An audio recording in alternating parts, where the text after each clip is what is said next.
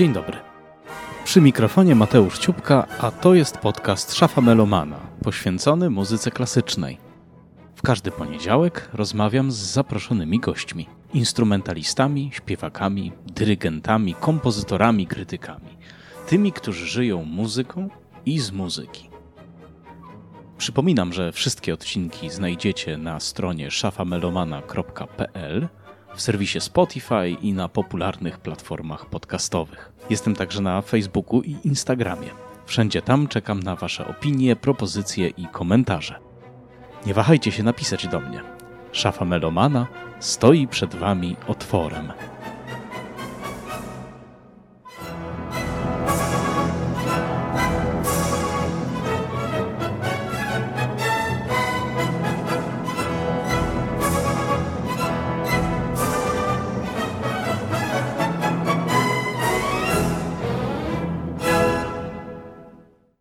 To zespół złożony z ludzi bardzo muzykalnych, ludzi świetnie znających swoje instrumenty, ale nie grających klasycznie, tylko grający muzykę według prawideł grania wiejskiego.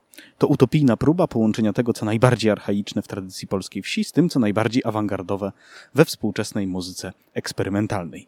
Mówił Maciej Filipczuk, szef Radical Polish Ensemble. Dzisiaj goszczę w podcaście dwie reprezentantki tego zespołu. Łucję Siedlik. Dobry wieczór. Oraz y, Marię Stępień. Dzień dobry, witam.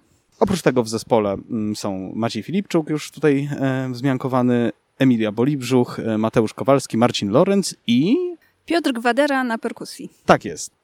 Zacytowałem na początku waszego lidera, którego tu z nami nie ma, mm, ale jest z nami zapewne duchem i pewnie będzie nas słuchał, więc go pozdrawiamy serdecznie i jednocześnie polecamy rozmowy, które z Maciejem Filipczukiem już się odbyły, a jest ich co najmniej kilka. Znajdziecie je na przykład na profilu YouTube Narodowego Centrum Kultury, czy w podcastach programu drugiego Polskiego Radia. Linki wrzucimy wam do opisu. A my zaś spotykamy się w Cieszynie, gdzie występuje część czy cały skład Radical Polish Ensemble? Mm, część y, żeńska, część y, tegoż zespołu.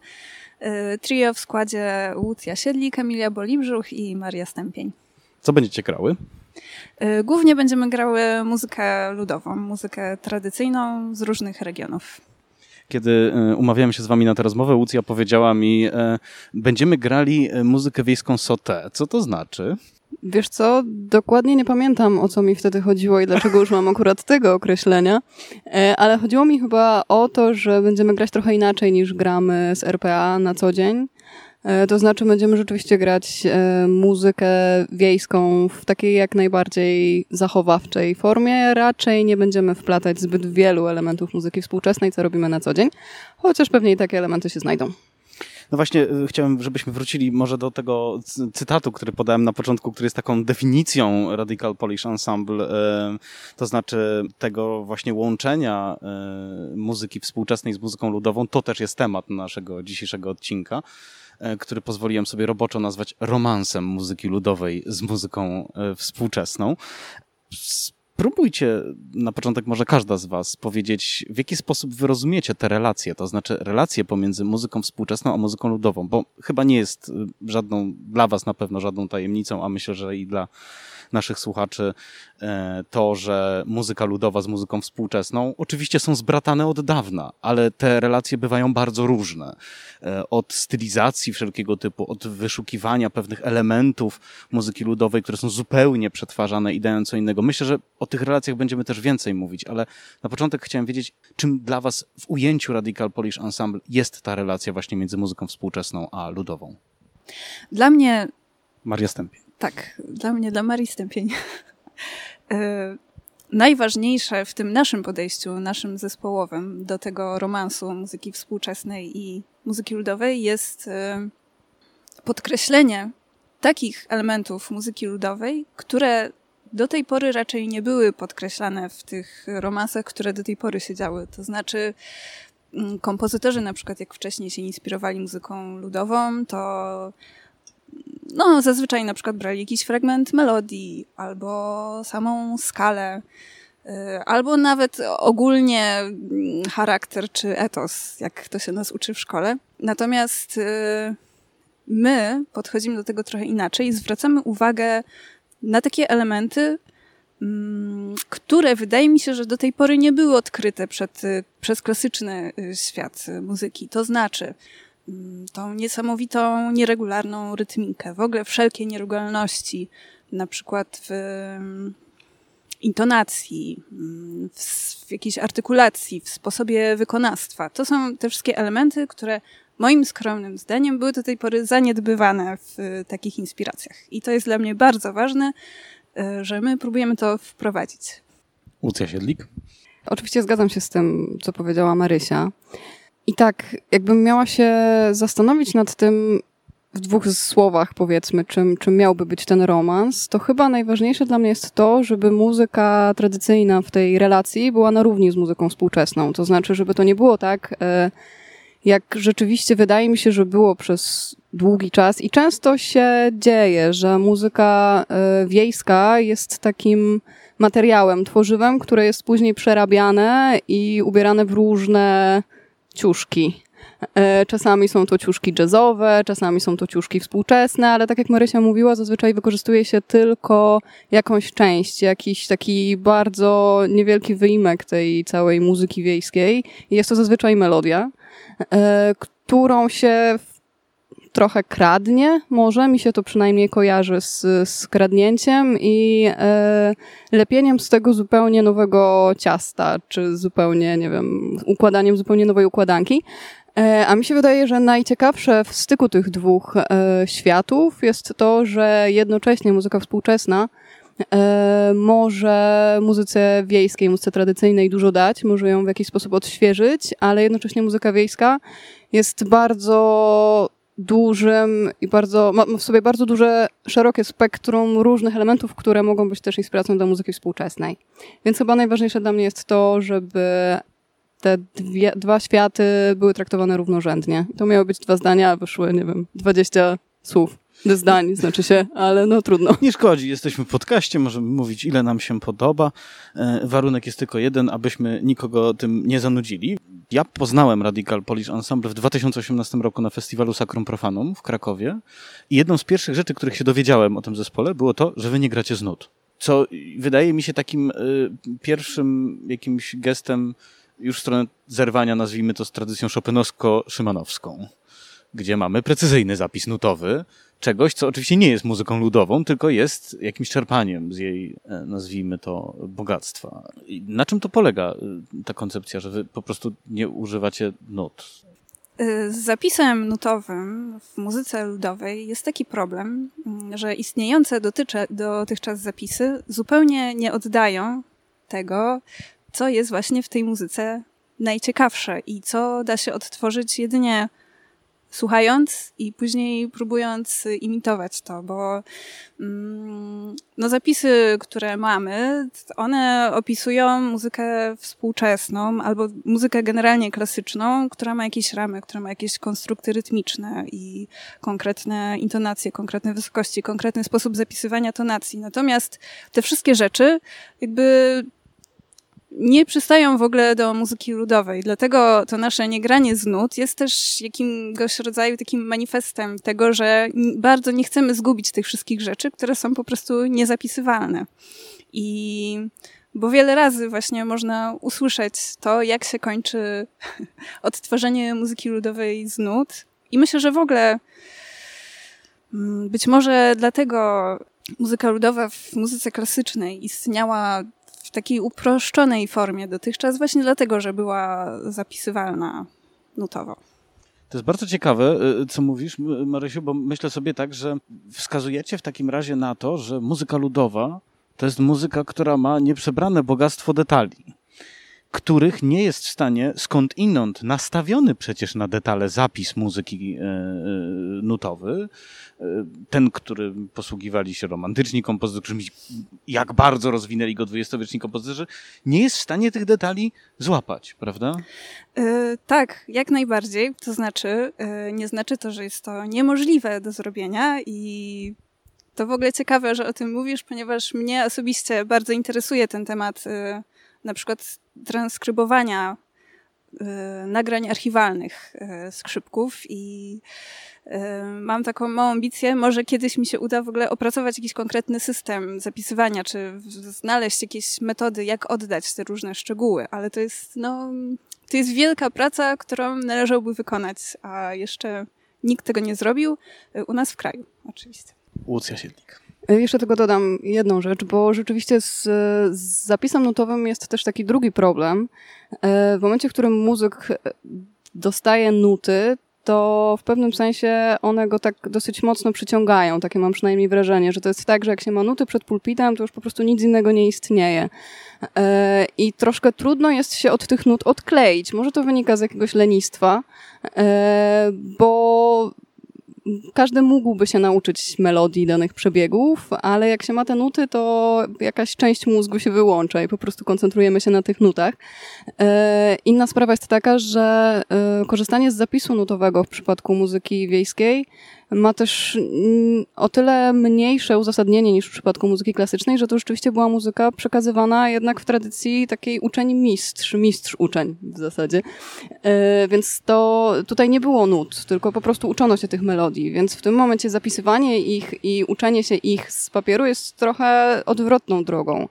E, I jeszcze trzecia rzecz, e, ten zapis, którym my się posługujemy, to znaczy posługuje się muzyka klasyczna, oczywiście ze wszystkimi e, problemami dotyczącymi tej kategoryzacji, ale muzyka klasyczna, muzyka, która się posługuje w ogóle zapisem nutowym, e, no to jest chociażby to, że my nie uwzględniamy takich niuansów jak e, nawet nie ćwierć tony, ale takie drobiazgi, jak nie wiem, trochę wyższe cis, albo na przykład trochę niższe cis i wszelkie problemy związane z grupami rytmicznymi. I to są takie problemy, którym, których nie da się rozwiązać korzystając z tego systemu, którym się posługujemy. Stąd e, bardzo szczytny cel i misja Marysi. Mam nadzieję, że jej się uda. Kibicujemy zatem. Marysia zwróciła także uwagę na to, że mm, na tych ludowych muzyków, prawda, tych, którzy E, niejako patronują Radical Polish Ensemble, o tym mówił Maciej Filipczuk, wymieniając ich nazwiska. E, ja teraz o dwóch chciałbym wspomnieć, czyli o Kazimierzu Mecie oraz Janie Gacy, e, a wspominam o nich dlatego, że jednym z nagrań, które absolutnie mnie ujęło, które mnie zachwyciło, zarówno pod względem tytułu, jak i tego, co się później tam działo, to jest kawałek, który nazywa się, przepraszam, że używam słowa kawałek, utwór z waszej płyty Tiers Monde Il combattimento di Gaza Emeto. Bo wolę, żebyście wy o tym opowiedziały, bo to jest absolutnie fen fenomenalna sprawa i wydaje mi się, że to jest takie trochę pars prototo tego, jak, jak traktujecie właśnie styk muzyki klasycznej z ludową. Il combattimento di Gaza Emeto. No tak, jest w tym trochę takiego mrugnięcia okiem, bo oczywiście to nie jest tak, że my sobie teraz wymyślamy, że będziemy e, wyciągać e, trudno brzmiące nazwy, które są związane z muzyką klasyczną i podszywać się pod nie. E, tylko raczej patrzymy na nie z takim lekkim dystansem, stąd pozwalamy sobie na to, żeby korzystać z nazw, które są zaczerpnięte z języka włoskiego na przykład, albo z greckiego, z angielskiego, także tak sobie tym żonglujemy. E, jest to takie mrugnięcie okiem. No okej, okay, nas... Lucja, ale no to wyjaśnij o co chodzi. To jeśli chodzi o ten, ten kawałek, to tutaj e, to jest taka sytuacja e, odzwierciedlająca mm, taki moment podczas wesela, w którym mogło się pojawić w jednym miejscu dwóch skrzypków E, I każdy z nich chciał być ważniejszy. Każdy z nich chciał zaprezentować, że to on potrafi lepiej zagrać daną melodię. E, I tak jest właśnie w tym kawałku. To znaczy tutaj się stykają ze sobą e, dwa kawałki. To jest taka walka dwóch, dwóch skrzypków, dwóch melodii, które trochę do siebie pasują, trochę nie. No i na koniec ktoś wychodzi zwycięsko. No kto, to można ocenić po wysłuchaniu kawałka. I oczywiście to, to ty wyjaśniłaś ludową proweniencję, a ja wyjaśnię klasyczną proweniencję, że i combatimento to jest nawiązanie przecież do i combatimento de Tancredi i Tancredi Clorinda. i Clorinda, tak. Y, więc właśnie, czyli, czyli barokowej Monteverdi, tak? To jest Monteverdi, no. I w tym utworze są faktycznie, ja, ja dam do niego link później, on jest też dostępny na YouTubie, jest y, na, na, na kanale wydawcy, czyli, czyli Boat Records, bo to jest absolutnie fantastyczny utwór, dlatego że tam są te elementy barokowe, szczególnie kiedy się dwóch skrzypków zabiera do walki, takie charakterystyczne jakby kroki do siebie wykonywane, prawda, które są żywcem wzięte z tych, z, z tych madrygałów właśnie takich, e, e, takich wczesnobarokowych. Także to piękne połączenie jednej, jednej i, i, i drugiej e, tradycji. No a czy w ogóle Kazimierz Meta się spotkał z Janem Gacą kiedykolwiek? to w ogóle doszło do takiego spotkania, czy nie? Bo wzięliście po prostu dwóch mistrzów, tak? Dwóch mistrzów skrzypiec. Nie wiadomo. Nie wiemy. Dobrze, to Macieja Filipczuka prosimy o komentarz pod postem promującym na Facebooku lub Instagramie ten odcinek odpowiedź na to pytanie, bo zapewne je zna. Co mnie jeszcze y, y, bardzo ciekawi, to jest taka rzecz. Przecież wy z drugiej strony dokonujecie także prawykonań, prawda? Dla was pisane są utwory. W 2018 roku na Sacrum Profanum e, wykonywaliście, a wy wykonywałyście, ale i cały zespół wykonywał kompozycję między innymi Agnieszki Strulgińskiej czy Sławomira Kupczaka. I wtedy się musicie zetknąć z tym zapisem nutowym, prawda? Czy jak to jest? Czy was się po prostu używa do innych celów i w inny sposób? Jak to działa? Ten zapis nutowy kompozycji, które wykonujemy, on istnieje. Yy, aczkolwiek nie używamy go w ogóle w naszej pracy. I generalnie zaczynając każdą współpracę z, z kompozytorem, raczej jest to y, taki punkt y, konieczny do, jakby do zrealizowania tej współpracy, że my raczej nie będziemy korzystać z zapisów, albo trzeba nam to, co mamy zrobić, wytłumaczyć. E, do tej pory spotkaliśmy się raczej z takimi pozytywnymi reakcjami na to, to znaczy ludzie cieszą się, że mogą też zobaczyć nową perspektywę, zobaczyć jak w ogóle, jak można mówić o muzyce, jak można ją wytłumaczyć, jak można pracować z nią trochę inaczej niż właśnie ja tu napiszę utwór, proszę masz, ktoś gra i tak dalej. Jakby ta praca jest trochę inna i wnosi różne nowe rzeczy. Jest też tak, że te partytury muszą powstawać z czysto pragmatycznych względów, no bo kompozycje są zaiksowane i e, no, względy formalne wymagają od kompozytorów Lucja, przepraszam. zapisywane. Bardzo proszę, bez tego strasznego slangu. Proszę wyjaśnić, co to znaczy, że jest kompozycja zaiksowana. No, kompozytorzy, żeby móc dostać pieniążki za swoje utwory, muszą przedstawić partyturę odpowiednim organom. E... Organom śledczym. Podejrzenie o popełnieniu mazurka. Dobrze. No w każdym razie na kompozytorach ciążą różne zobowiązania, w związku z czym oni muszą przedstawiać partyturę swoich utworów. E, a w praktyce nasza praca wygląda tak, że e, spora część kompozycji powstaje po prostu podczas spotkania. To nie do końca jest tak, że e, mam nadzieję, że tutaj kompozytorzy, którzy z nami współpracowali, się nie obrażą, ale to nie do końca jest tak, że kompozytorzy są w tym momencie stuprocentowo autorami tych kompozycji, bo zwykle pracujemy przy tym wspólnie. To znaczy, oczywiście, znaczna część tego tekstu muzycznego, który, z którym stykają się słuchacze, jest oczywiście wizją kompozytora, ale bardzo dużo elementów pojawia się po prostu we wspólnej pracy. E, I w zależności od tego, z kim pracujemy, tak ta praca oczywiście przebiega, natomiast finalny efekt rzeczywiście jest taką wypadkową e, naszego spotkania z kompozytorem. Powiedzcie w takim razie, mm, jakby, czy to figuruje w zapisie już później, koniec końców, tak, że na przykład no, coś tam kompozytor zapisze, a w danym momencie jest pauza na 30 taktów i jest napisane Here plays Radical Polish Ensemble?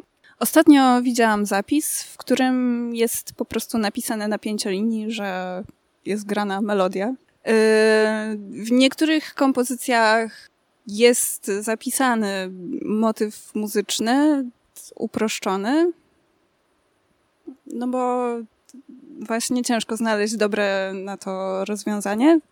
W niektórych zapisach rzeczywiście, no on istnieje yy, w formie nutowej. Zejdźmy z zapisu. Dlaczego ten zespół nazywa się Radical? I dlaczego jak on gra polską muzykę wiejską, to jego tytuł jest po angielsku? Zastanawiałeś się, czy o to zapytasz, e, siedząc po drugiej stronie tej samej rzeki. E, no i tak, e, nasz szef powiedział kiedyś taką mądrą rzecz, że my po prostu radykalnie podchodzimy do muzyki wiejskiej. To jest jedna sprawa.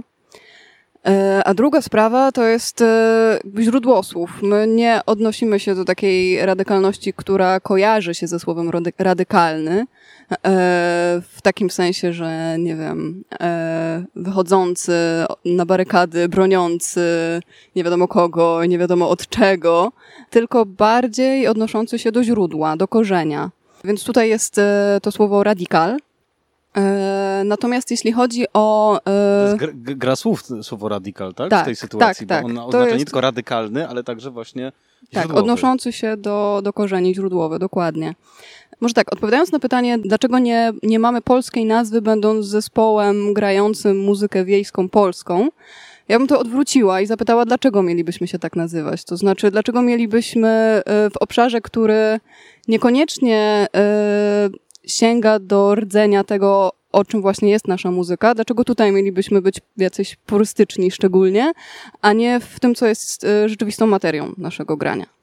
No, żeby też było jasne, ja tutaj nie występuję z pozycji e, pytającego, czy Radical Polish Ensemble to jest polskie nazwisko. Tylko jednak. Nie mamy co do tego wątpliwości. Drążę, bo taka moja rola. czy z tej szóstki, na którą tak? Sześć osób, dobrze policzyłem? Na którą... Sześć plus, plus... E, nasz Budda, e, Piotr Gwadera na perkusji.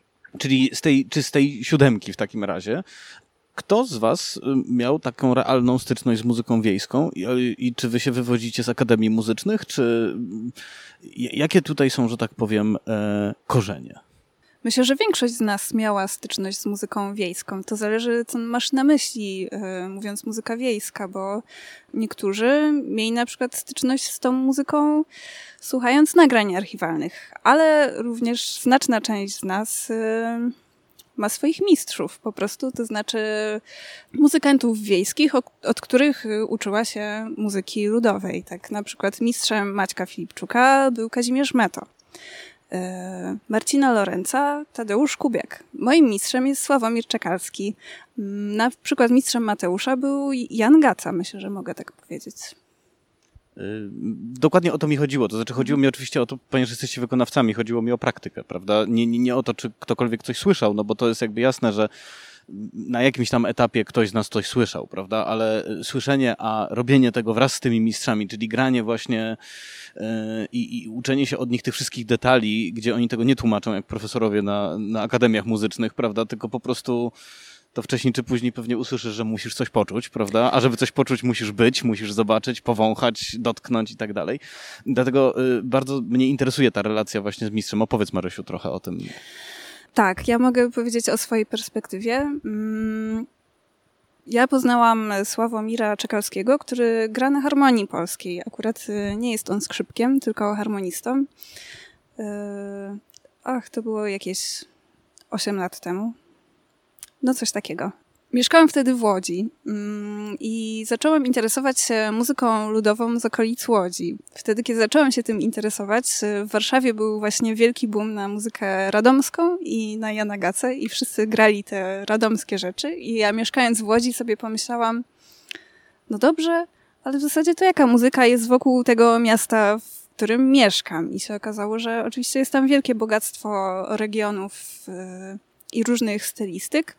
I okazało się też, że e, w Żychlinie mm, niedaleko Kutna mieszka Sławomir Czekalski, który jest e, ostatnim harmonistą, który potrafi grać kujawiaki e, tak, jak były kiedyś one grane, z takim z taką konkretną stylistyką, którą już bardzo, bardzo trudno znaleźć gdziekolwiek na żywo. Teraz to już w ogóle nie można tego znaleźć. Tylko on tak gra.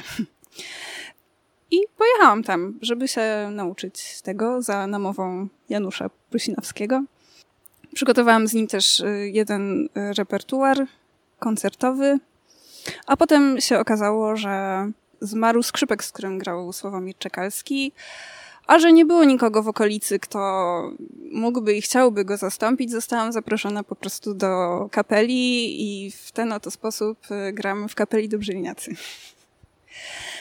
I bardzo, bardzo wiele rzeczy dotyczących e, muzyki ludowej i sposobu grania i tego w ogóle też, jak funkcjonował muzykant ludowy, nauczyłam się właśnie od Sławka.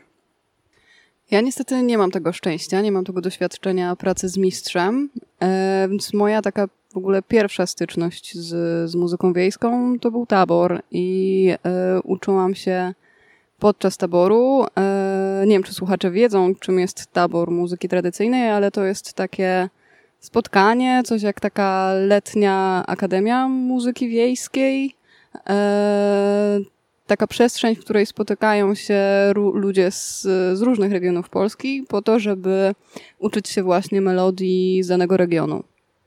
E, więc moje doświadczenie takie edukacyjne jest właśnie głównie taborowe. Byłam na kilku.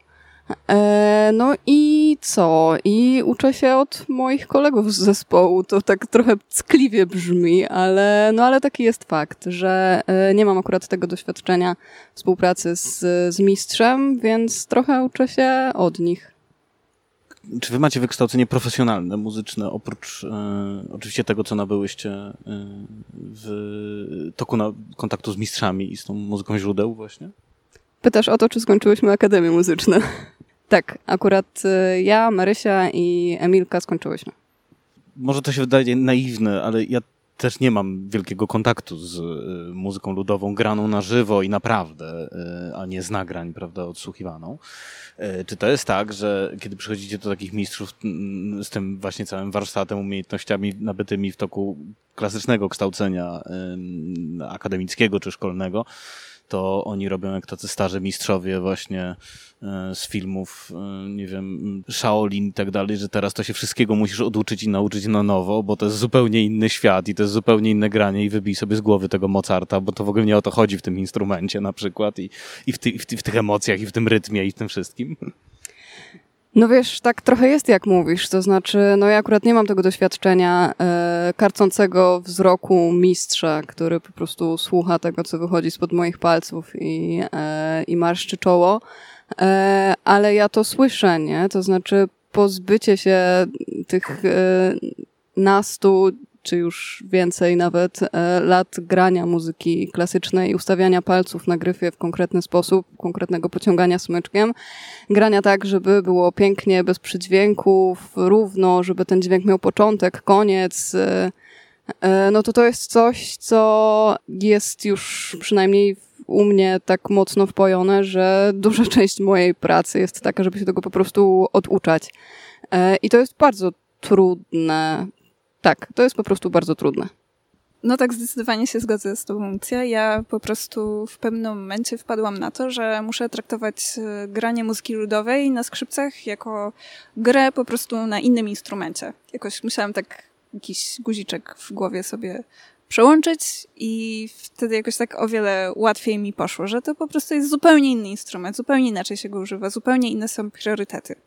Ale chciałabym powiedzieć y, o tym, o co zapytałeś wcześniej, to znaczy o tym, jak y, mistrzowie i w ogóle ludzie grający muzykę ludową reagują y, na taki warsztat klasyczny i chciałabym, żeby to tak było, jak zasugerowałeś. Natomiast jednak bardzo często jest tak, że właśnie mi się to bardzo podoba. I że to granie klasyczne to jest właśnie to lepsze granie. I dopiero jak ja zagra, jakbym zagrała jakiegoś walca, czy Ave Maria, czy cośkolwiek takiego, to o, to jest muzyka. Niestety, jakby nie tylko w miastach często funkcjonuje takie przekonanie wyższości muzyki klasycznej nad muzyką ludową, to wszędzie, wszędzie funkcjonuje takie przekonanie, że no dobra, no to ta ludowa muzyka, no to jest fajnie, ale ta klasyka to jest prawdziwa muzyka, to dopiero jest to grane jak trzeba. I niestety obserwuję yy, ludzi, którzy mają klasyczne wykształcenie, nawet yy, takie po prostu skończyli szkołę muzyczną, niekoniecznie Akademię Muzyczną, którzy mają dużo uczucia do tej, do muzyki ludowej i chcą się nią zajmować, ale nie wkładają tego wysiłku na przykład w zmianę aparatu czy w przyswojenie tej stylistyki, tylko wprowadzają sposób klasyczny do grania tych rzeczy i w moim odczuciu mm, zabiera to bardzo dużo tej muzyce ludowej, bo po prostu stylistyka klasyczna tutaj nie pasuje. Ona dużo psuje. Mm, bo to jest też trochę tak, takie mam przynajmniej wrażenie, że z perspektywy muzyka wykształconego klasycznie, profesjonalnie, czy po szkole muzycznej, czy po akademii muzycznej, nauczenie się jakiejś tam melodii to to jest prosta sprawa. No bo wiadomo, to się robi przez x lat, e, palce chodzą, nie jest tak, że trzeba się zastanawiać nad tym, gdzie położyć dany palec, jak pociągnąć smyczkiem. I to jest trochę taka pułapka, bo to jest bardzo proste rzeczywiście nauczyć się melodii, ale nauczyć się jej z detalami to, to już jest bardzo trudna sprawa. I mi się to troszeczkę kojarzy z odczytywaniem e, zapisu nut barokowych. Już było nawiązanie do baroku, ale trochę tak jest, że pochylenie się nad, nad zapisem utworów e, barokowych, no to to jest orka i od, odczytanie, też e, jakaś taka wyobraźnia muzyczna, która, którą trzeba wykorzystać do tego, żeby wykonać e, dane dzieło w taki sposób, który byłby satysfakcjonujący i który byłby w jakimś stopniu odzwierciedlający to, co rzeczywiście e, miało być w tym utworze, e, to jest tak naprawdę praca, nie odczytanie linii melodycznej, która jest zapisana na nutach. To trochę podobnie jest e, z tymi melodiami wiejskimi. I tak naprawdę dopiero w momencie, w którym się, nie wiem, słucha nagrania archiwalnego po raz enty, nie wiem, zwolni się go i usłyszy się, że ojej, a tutaj to jest jednak odrobinę wyżej, a tutaj jest taki obiegnik, a tutaj jednak jest inne smyczkowanie, to to zajmuje bardzo dużo czasu, e, jest bardzo trudne, ale też dopiero, nie wiem, wydaje mi się, że dopiero taka praca e, no, pozwala na wyciągnięcie tych detali, które rzeczywiście stanowią istotę takiego grania i które powodują, że ta muzyka tak brzmi, a nie brzmi jak e, właśnie zagrana melodyjka po prostu przez kogoś, kto umie operować smyczkiem i stawiać palce na gryfie palę się z ciekawości, jak wy z tym doświadczeniem, jakie macie i z tym podejściem, jakie macie do muzyki, jak wy patrzycie na przykład teraz na te najbardziej klasyczne przykłady inspiracji w muzyce nazwijmy to poważnej muzyką wiejską, czyli na przykład na te szopenowskie mazurki, na Szymanowskiego, y, na y, już pewnie, już pewnie mniejsze skrzywienie niż obecnie na, widzę na twarzy Łucji Siedlik wywoła y, Bartok na przykład, ale jak, jak wy dzisiaj słuchacie tej muzyki, jak wy ją rozumiecie i czujecie? Marysia odwróciła głowę. To ja spróbuję. E, to jest bardzo złożona kwestia, bo pamiętam, że kiedyś, dawno temu, e, bardzo lubiłam słuchać właśnie Mazurków Chopina, bardzo lubiłam słuchać oberków Wieniawskiego i ogólnie bardzo lubiłam słuchać muzyki, która była inspirowana ludowością. No teraz jest już troszeczkę inaczej, to znaczy no mam z tym trochę problem już w tym momencie i chyba jeszcze sobie tego do końca w głowie nie rozwiązałam. E, to znaczy wywołuje to rzeczywiście jakiś rodzaj skrzywienia e, na mojej twarzy. E, natomiast wydaje mi się, że to są też trochę dwie różne rzeczy. To znaczy dzieło klasyczne to jest dzieło, które jest już odrębną całością i ono jasne, jest inspirowane muzyką wiejską, ale ono nie próbuje udawać, że ta muzyka wiejska jest hmm, sama nie wiem czym, e, ale nie próbuję nadawać jej jakiegoś e, nadrzędnego czy równorzędnego znaczenia, tylko e, po prostu czerpię daną melodię i ta melodia staje się tworzywem, z którego wyplatana jest kompozycja, nie? I ta kompozycja jest już taką całością czysto estetyczną. Spełnia tylko i wyłącznie funkcję estetyczną i jest już czymś odrębnym, jest jakby nowym utworem, więc trochę wydaje mi się, że słuchając na przykład, e, no chociażby tych mazurków e, Chopina, e, trudno się złościć na to, że one brzmią inaczej niż muzyka wiejska, bo one nie próbują brzmieć jak muzyka wiejska. One są czymś zupełnie innym. I wydaje mi się, że słuchając tej muzyki rzeczywiście jako czegoś odrębnego, jako odrębnego gatunku, no to ona stanowi zupełnie odrębną wartość, którą, której chyba w ogóle nie ma co porównywać po prostu, bo w momencie, w którym, nie wiem, próbowałoby się ważyć, e, ile procent jest tego w tamtym, a ile tego w czym innym, e, no to możemy się, nie wiem, dosyć mocno zafiksować i, i, i złościć na, na różne fakty, ale w momencie, w którym po prostu zaakceptuje się to, że, e, że muzyka wiejska była po prostu inspiracją, tak jak cała masa innych, e, nie wiem, innych zjawisk w przyrodzie, które są inspiracją dla kompozytorów, czy śpiew ptaków, no bo wiadomo, że, nie wiem, śpiew ptaków nie zostanie odzwierciedlony w muzyce jeden do jeden, on jest po prostu inspiracją. Więc wydaje mi się, że, że w tych kompozycjach, o których wspomniałeś, w, twórczości tych kompozytorów, to jest trochę tak, że to jest po prostu inspiracja e, i z tego powstaje dzieło, które jest e, już wypowiedzią czysto artystyczną danego kompozytora. I e, no, nie mogę powiedzieć, że mnie to nie złości, bo trochę złości, ale wydaje mi się, że jest to złość nieuzasadniona. To znaczy, no trudno odbierać też kompozytorowi prawa do inspiracji, nie? Marysia. To może ja spróbuję zgadnąć źródło twojej złości. Oczywiście zgadzam się y, z tym, co powiedziałeś.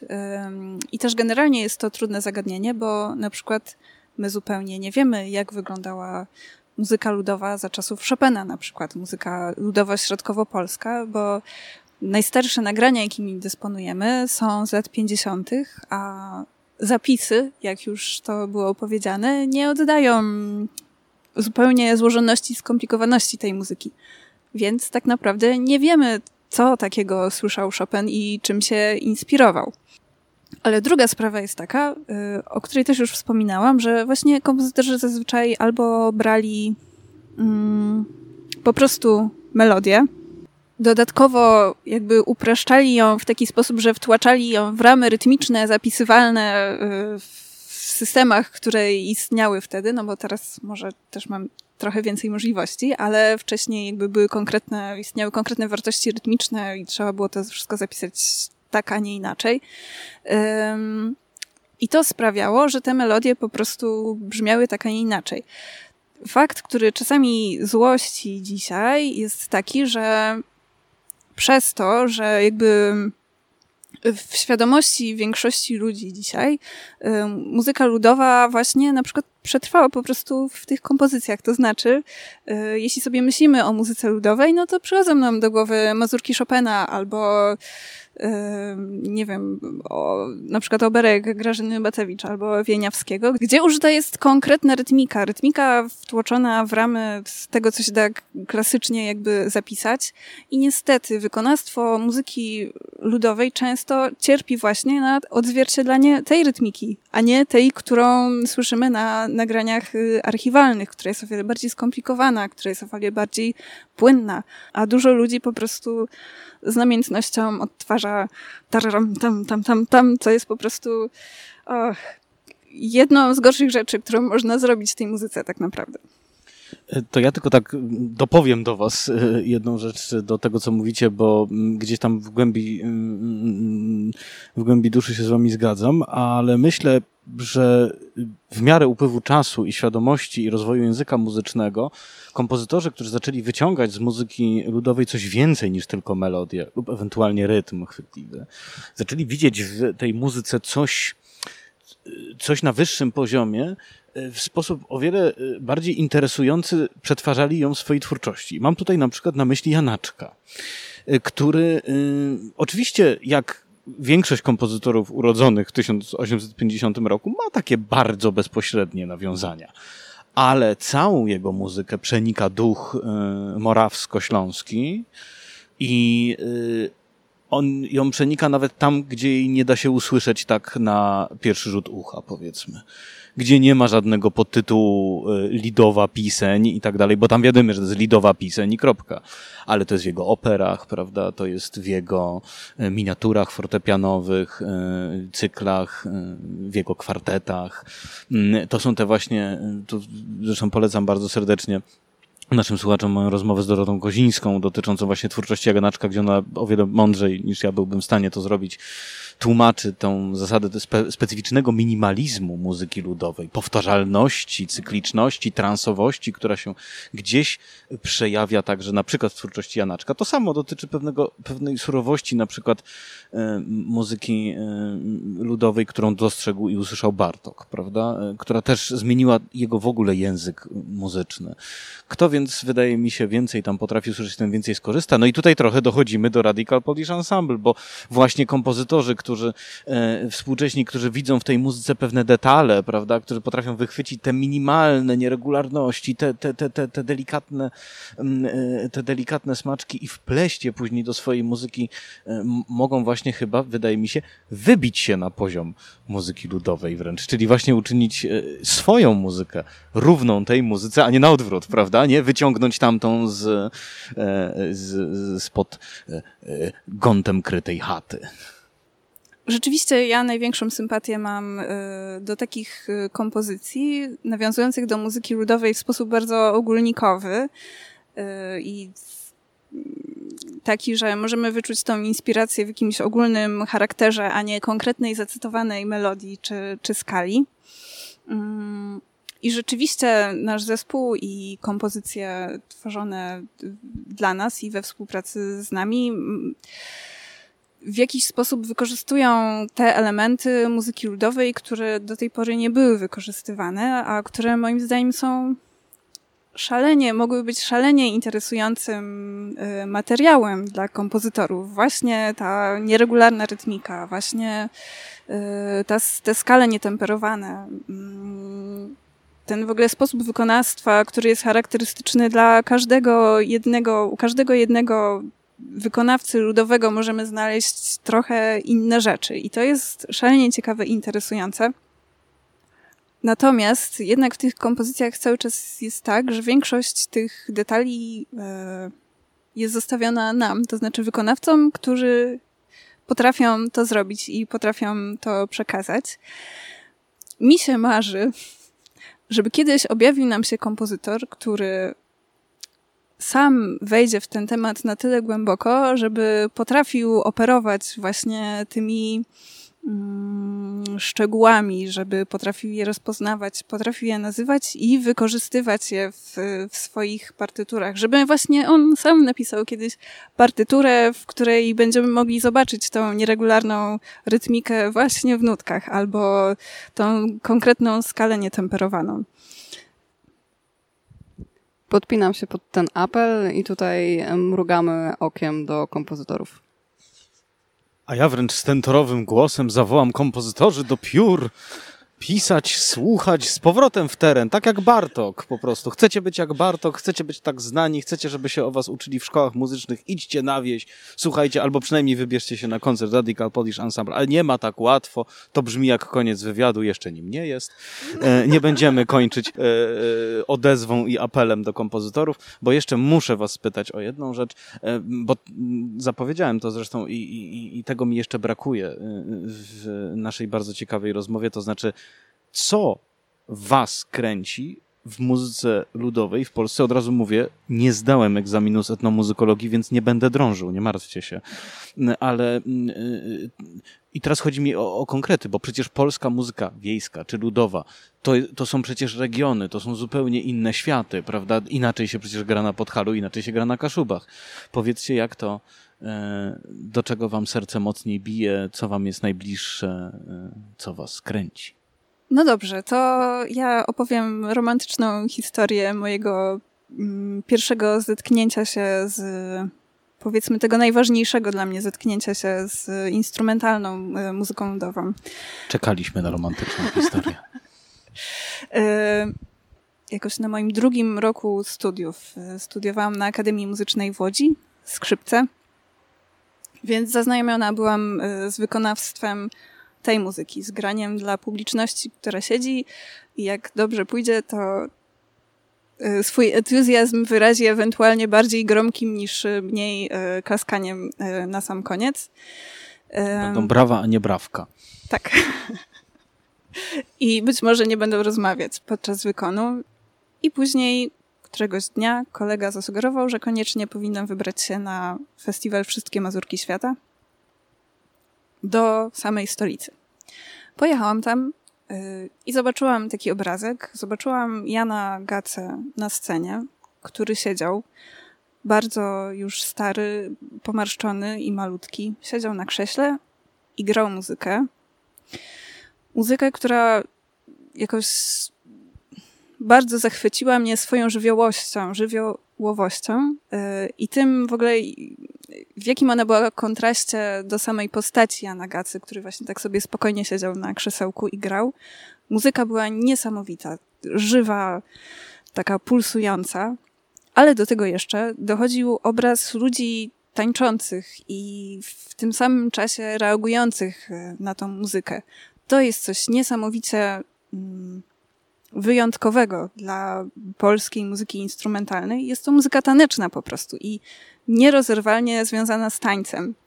I jak się wykonuje taką muzykę na scenie, mm, co później mm, poznałam sama, to jest to po prostu nieustający dialog z tancerzami, którzy nie zaklaszczą ci na koniec, ale za to cały czas po prostu rozmawiają z tobą tym swoim tańcem. Mm, jest to no, niesamowite przeżycie i zupełnie inne doświadczenie y, sceniczne, zupełnie inne doświadczenie wykonywania takiej muzyki ludowej w opozycji do wykonywania muzyki klasycznej. Nie chcę tutaj oczywiście, oczywiście wszyscy wiemy, muzyka klasyczna jest piękna i wspaniała.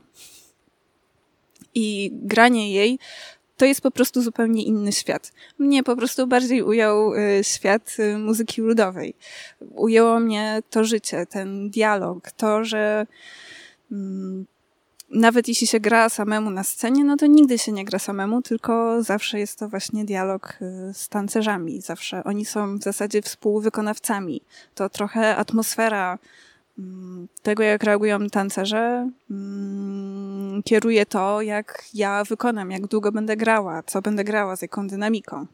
Tym się zachłysnęłam na samym początku, natomiast y, później poznałam właśnie cały wszechświat y, tych różnych drobiazgów, które są w tej muzyce, na które się nie zwraca uwagi, tak, które nie istnieją w jakiejś takiej powszechnej świadomości. Ludzie nie wiedzą o tym, że jest to przebogaty po prostu wszechświat różnych rzeczy i w każdym regionie możemy znaleźć coś zupełnie innego.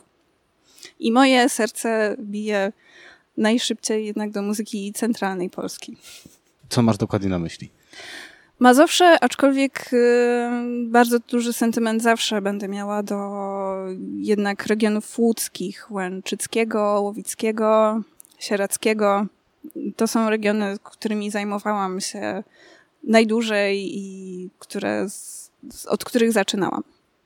A teraz romantyczną historię opowie Łucja Siedli. No tak, w zasadzie jak e, słuchałam Marysi, to tak sobie myślę, że moja historia też jest trochę romantyczna, bo pierwsze zetknięcie z, z muzyką wiejską kojarzy mi się rzeczywiście z pierwszym taborem, taborem w Senku, którego niestety już nie ma i za, za którym wszyscy wzdychamy. E, I pamiętam go szczerze mówiąc trochę jak przez mgłę, bo to już było parę lat temu i wydaje mi się, że to właśnie był taki trochę romansowy trans. To znaczy, pamiętam, że tam przyjechałam i od pierwszego momentu czułam się jakaś taka zachłyśnięta wszystkim tym, co tam spotkałam. Od y, Kuby Korony siedzącego w recepcji. Y, biła jakaś taka błogość i ta błogość chyba towarzyszyła mi cały, przez cały ten pobyt. Wydaje mi się, że y, jakby jednym elementem, który na to wpłynął, była muzyka, która dobiegała po prostu ze wszystkich stron i to była muzyka, której do tej pory nie słyszałam. Rzeczywiście coś takiego zupełnie e, dzikiego, żywiołowego, tak jak Marysia powiedziała. E, takiego nieokrzesanego, nierównego e, i to rzeczywiście wybrzmiewało spod każdego drzewa.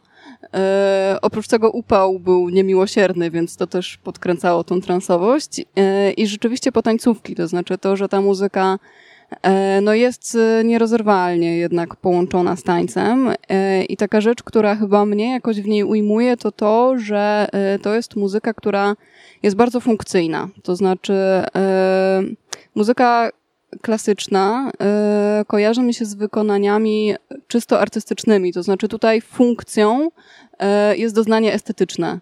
E, a funkcją muzyki wiejskiej jest oczywiście też doznanie estetyczne, ale oprócz tego spełnia całą masę różnych innych funkcji, których jedną, chyba w moim odczuciu i chyba wiele osób się ze mną zgodzi, jest jakiś rodzaj budowania wspólnoty, chociażby tej między grającymi a tancerzami.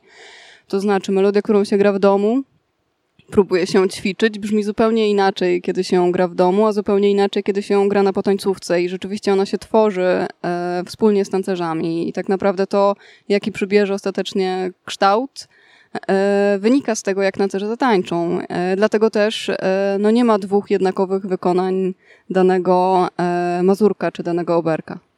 I tymi romantycznymi historiami e, wydaje mi się możemy zakończyć. Bardzo Wam dziękuję za tę rozmowę. Moimi gościniami była Łucja Siedlik i Maria Stępień, e, czyli dwuosobowa, ale jakże wystarczająca tego wieczoru e, reprezentacja Radical Polish Ensemble, jednego z najciekawszych zespołów grających muzykę Oh my god, ale się zakopałem. Jedynego. Roman, romansujących z muzyką współczesną i z muzyką ludową. I tak, tak, no bo tutaj to nie jest, są nadmierne komplementy, to jest po prostu jedyny polski zespół, który robi coś takiego, więc yy, bardzo polecamy yy, udanie się na koncerty Radical Polish Ensemble, posłuchanie, doświadczenie tego niezwykłego styku muzyki ludowej i muzyki współczesnej. Dzięki Wam dziewczyny za yy, obecność w szafie. Dzięki, było bardzo miło. Dzięki wielkie. A na koniec posłuchajmy jeszcze Il Combattimento di Gazza e Meto z płyty Radical Polish Ensemble, która ukazała się w 2019 roku nakładem wytwórni Boat Records. Przypominam, że wszystkie odcinki podcastu Szafa Melomana znajdziecie na stronie szafamelomana.pl oraz na popularnych platformach podcastowych. Kolejny odcinek tradycyjnie za tydzień, w poniedziałek. Do usłyszenia.